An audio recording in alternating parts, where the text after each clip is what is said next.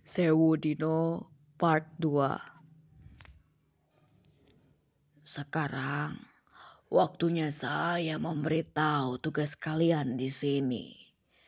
Mbah Tamin berdiri. Ia seakan memberi tanda agar Sri dan yang lain mengikutinya. Ia berjalan di samping sisi rumah. Banyak sekali potongan kayu yang disusun. Memang, rumah ini terlihat mengerikan dengan pencahayaan yang hanya dari lampu Petromax. Selain itu, kegelapan ada di mana-mana. Ia berhenti tepat di belakang rumah.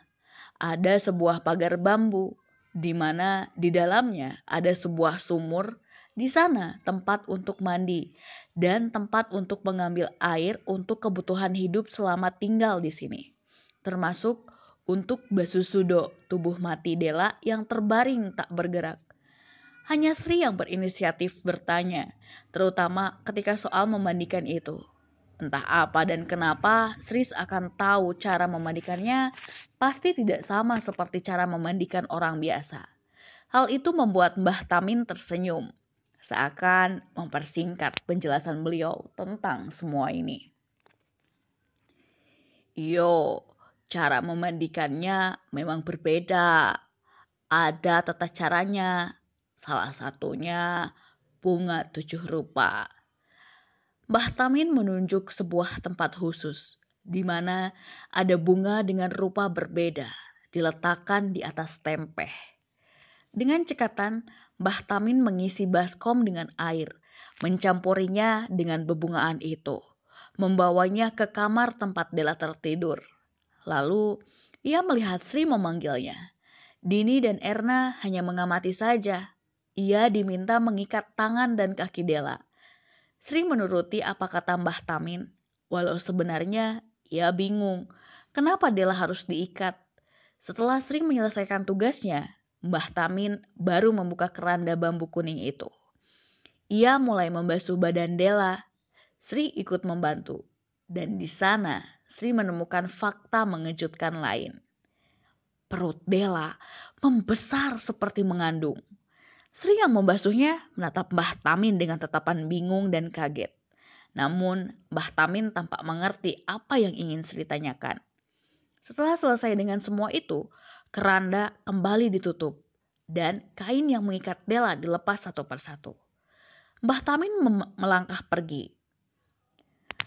Bah, kata Sri mengejar Mbah Tamin di belakangnya ada Dini dan Erna yang tidak tahu apa yang baru Sri lihat. Nanti saya ceritakan kalau kamu sudah siap saja, kata Mbah Tamin. Tugas kalian hanya mengurus Dela. Sudah tiga hari berlalu. Sri, Dini, dan Erna bergantian mengurus Dela. Mulai memandikannya, memberinya minuman, Gadis itu lebih seperti gadis yang tengah koma dibandingkan gadis yang disantet entah oleh siapa dan bagaimana latar ceritanya. Masih terlalu awam untuk tahu, pikir Sri. Entah sudah keberapa kali Sri mendengar Erna dan Dini berbicara tentang Dela, berbicara tentang bau busuk yang keluar dari tubuhnya. Sampai kalimat tidak menyenangkan lainnya saat mereka tinggal di tempat ini dan betapa misteriusnya lelaki tua bernama Tamin itu. Sri memilih diam. Namun, di luar semua itu, sebenarnya Sri sama seperti yang lain. Aroma busuk itu benar-benar mengganggunya. Selain itu, hidup di sini sangat berat. Tidak ada orang lain. Kiri kanan hanya pohon liar. Seakan mereka tinggal di dunia yang berbeda. Suatu sore, Mbah Tamin pamit. Ia akan pergi ia berpesan kepada Sri dan yang lainnya untuk tetap menjalankan tugasnya dan tidak melupakan pantangan yang sudah ia ucapkan. Salah satunya untuk tidak lupa mengikat Dela saat membuka keranda itu. Tidak lupa, Mbah Tamin juga berpesan untuk tidak membukakan pintu pada malam ini. Siapa pun dan bagaimanapun, jangan pernah membuka pintu, ucap Mbah Tamin. Sebelum ia pergi melangkah menembus pepohonan hutan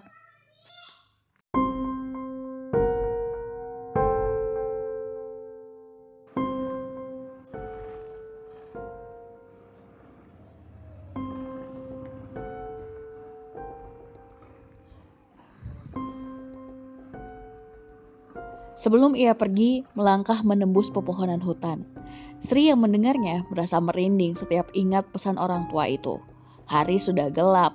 Sri menutup pintu dan jendela. Lalu pergi ke kamar. Di sana ia melihat Dini sudah tidur. Di sampingnya, Erna tengah meringis menahan sakit. Kamu kenapa, Er? Tanya Sri. Sri, aku boleh minta tolong nggak? Minta tolong apa? Malam ini giliranku memandikan Dela. Bisa kamu gantikan. Besok ganti aku yang gantikan kamu. Awalnya Sri keberatan, namun melihat kondisi Erna, Sri setuju. Setelah menerima permintaan Erna, Sri bersiap mengambil air. Ia lupa bahwa air di gentong dapur sudah habis. Terpaksa ia membuka pintu bersiap untuk menimba air dari sumur. Meski awalnya ragu, Sri mematung di depan pintu.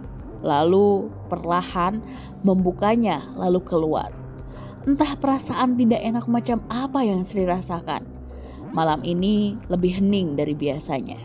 Tidak terdengar suara binatang malam, seakan membawa ketakutan Sri yang selama ini ia tahan menyeruak keluar. Sri melangkah keluar. Ia cepat-cepat pergi ke sumur menimbanya, lalu kembali. Tapi dari sudut mata Sri, Jauh di salah satu pohon besar di samping pagar bambu kamar mandi, Sri melihat ada wajah yang mengamati. Saat Sri menatapnya, wajah itu menghilang. Sri terdiam cukup lama, namun ia tetap melanjutkan tujuannya. Ia harus cepat melakukan tugasnya.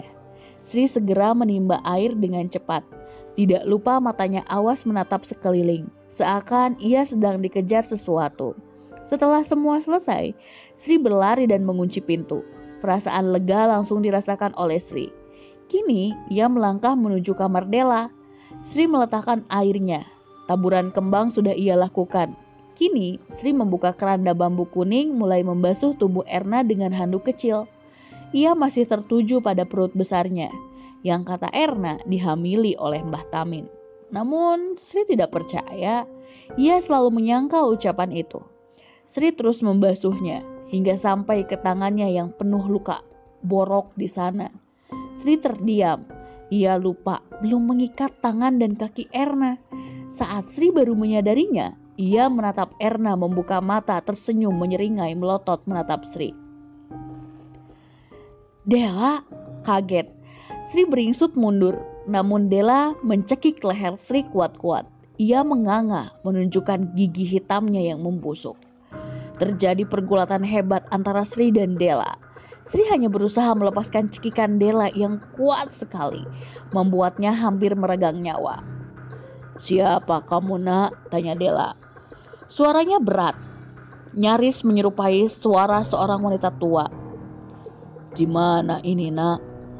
Sri masih mencoba melepaskan cengkraman kuat itu. Namun Dela terus menyeringai. Air liurnya menetes, matanya putih ia tersenyum. Jawab kalau ditanya. Siapa Anda? Tanya Sri terbata-bata. Nafasnya mulai sesak. Dela tertawa semakin keras. Membuat Sri menangis ketakutan. Sebelum Erna masuk ke kamar karena keributan itu, ia bingung melihat Dela terbangun. Ada apa ini Sri? Kenapa Dela? Kenapa sama Dela? Bingung. Della menyeringai melihat Erna sebelum akhirnya melepaskan cekikan itu. Ia melompat ke atas ranjang, merangkak kemudian seakan tertawa kegirangan. Della berteriak. Ternyata anak kliwon semua. Della masih tertawa. Sri beringsut mundur, sementara Erna masih bingung dan sok. Melihat wajah Della yang semengerikan itu. Della terus melihat Sri dan Erna bergantian. Percuma, seribu harinya anak ini akan segera habis. Kalian hanya jadi tumbal untuk anak ini. Dela tertawa terus-menerus. Sebelum Sri melompat dan mencengkram Dela, ia mengguyur Dela dengan air kembang itu. Dela berteriak kesakitan. Kamu ngapain? Ambilkan tali hitam itu! Teriak Sri pada Erna. Erna yang sempat kebingungan bergegas mengambil tali itu. Sri mengikatnya tepat di lehernya. Ada apa ini Sri? Erna ikut menahan tubuh Dela yang meronta. Sebelum akhirnya Dela menjadi tenang, dan ia kemudian tertidur kembali. Sri baru mengikat tali itu dengan benar. Ia mengangkat Dela kembali ke ranjangnya, menutupnya dengan keranda bambu kuning. Wajah Erna dan Sri masih tidak percaya atas apa yang baru saja terjadi. Erna mulai menangis. Aku aku ingin pulang. Sri tidak berkomentar. Ia sadar bahwa sekarang ia juga ingin pulang.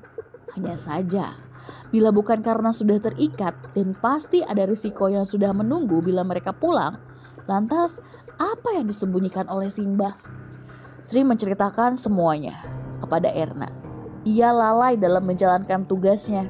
Karena panik, ia membasuh Dela tanpa mengikat tali di kaki dan tangannya terlebih dahulu. Namun gara-gara itu, Sri menyadari santet macam apa yang memasukkan iblis